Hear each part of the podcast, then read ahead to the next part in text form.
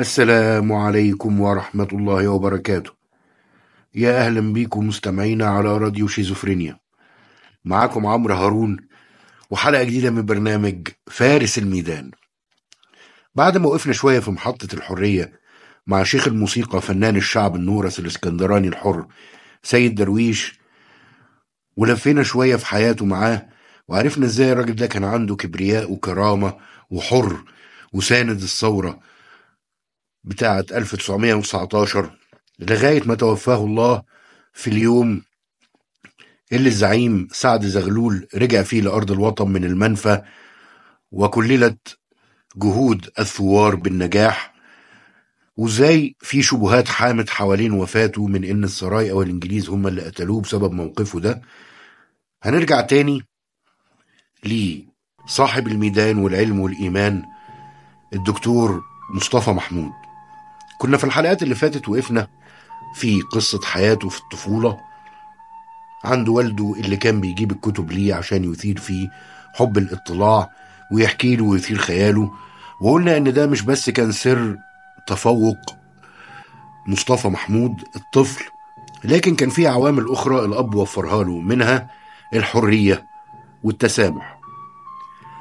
إزاي بقى ده كان؟ مصطفى إما اتنقلت عائلته إلى طنطا دخل المدرسة هناك. وهناك ربنا ابتلاه بحتة مدرس ما يعلم بالله ربنا. كان عنده غية كده إن هو يمشي يضرب الأطفال. يضربهم عشان هو فاكر إن ده هي التربية. وللأسف لازال ده موجود حتى الآن.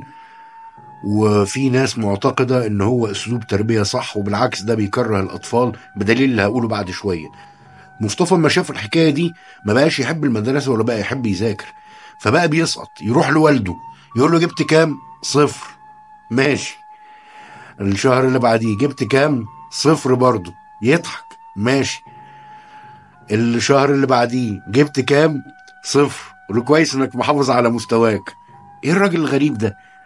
لا مش أي يعني مفيش أي اهتمام بابنه. لا هو مش عايز يحسس الولد إن في حاجة غلط إن هو آه، مش مظبوط. وبعدين التعليم أصلا مش بالإجبار ده اللي لازم نعرفه. عمر التعليم ما كان بالإجبار. التعليم لازم الطفل يكون هو نفسه أو ال ال الواحد عايز يتعلم عشان يقدر يتفوق ويبقى حاجة في حياته. فكان والد الدكتور مصطفى محمود عمل إيه؟ بالتسامح بتاعه ده خلى الطفل نفسه بقى آه يعني مش هقدر أقول مش همه لكن نفسه راضية. فلما المدرس مشي الطفل لقى العامل اللي كان بيمنعه عن التحصيل والعلم وإنه يحقق طموحه راح. فابتدى يحصل بنهم شديد وتفوق لدرجة إنه بيقول إن هو اسمه اتحط في لوحة الشرف في ثانوي. وكان شغفه بقى في الوقت ده إيه؟ في ثانوي بقى. إحنا كده اتنقلنا من مرحلة الطفولة لمرحلة إيه؟ الصبا. كان شغفه الكيمياء. كان وهو في ثانوي يجيب الكتب بتاعت كلية علوم ويكتب المعادلات بالإنجليزي ويوفر من مصروفه ويجيب المواد الكيماوية الأحماض والقلويات والحاجات دي ويبتدي يعمل تجارب. وأبوه سايبه كده؟ آه طبعا ما هي دي بقى الحرية. هو سايبه يمارس هوايته طالما مش هيعمل حاجة هتضره وتحت إشرافه. آه المواد الكيماوية والحاجات دي خطيرة بس طبعا الواد مش مش وقتها هيركب متفجرات يعني. بس كان تحت إشرافه برضه أكيد يعني. ده خلى الولد لما نجح في الثانوية العامة بيحكي قصة ظريفة قوي.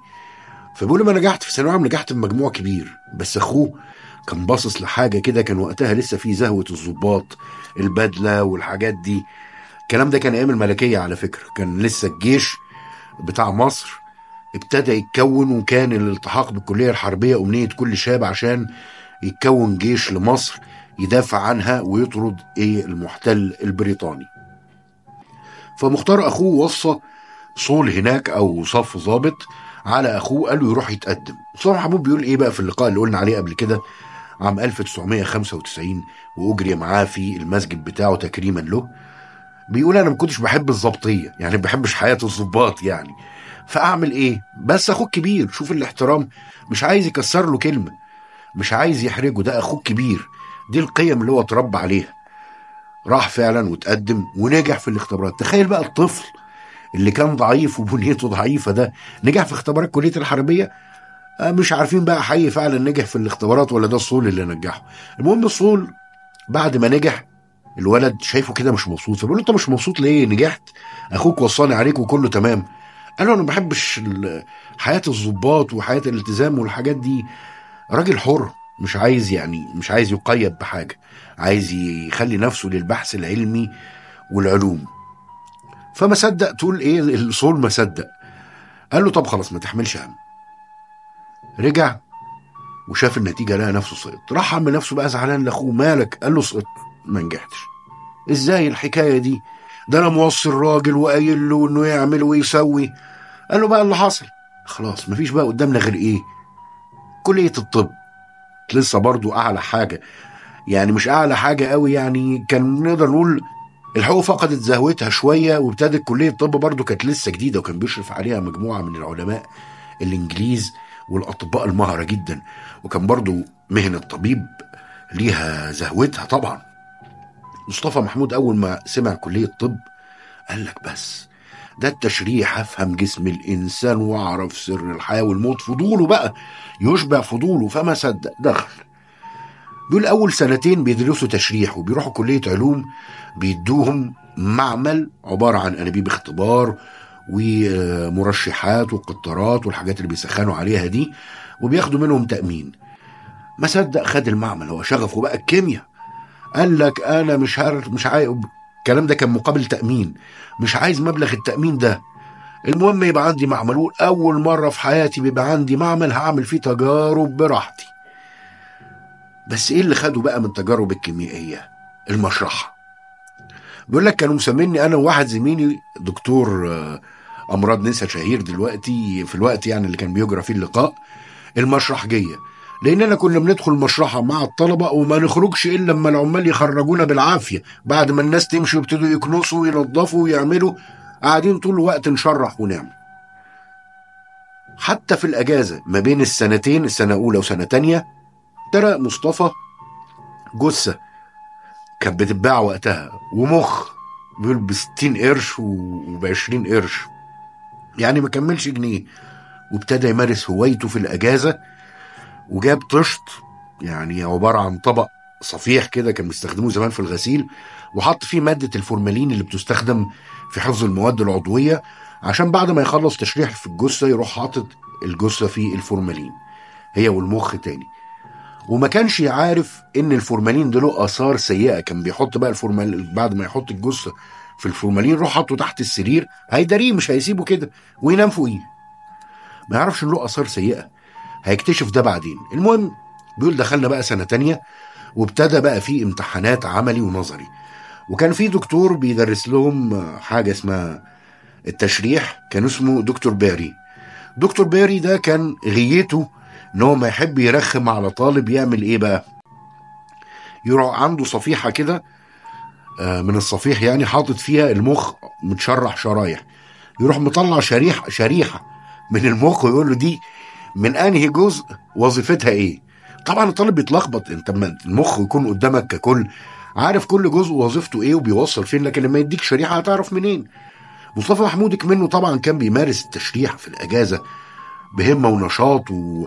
وجايب الكتب وعارف بيقول أول ما يمد إيده في الصفيحة وقبل ما يخرجها كاملة كنت أقول له الجزء ده من الحتة الفلانية ووظيفته الحتة الفلانية وكذا كذا كذا كذا.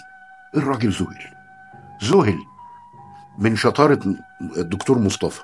وراح له في الامتحانات النظرية وبشره بإن درجاته كويسة جدا. وإن ليه مستقبل كبير في الطب.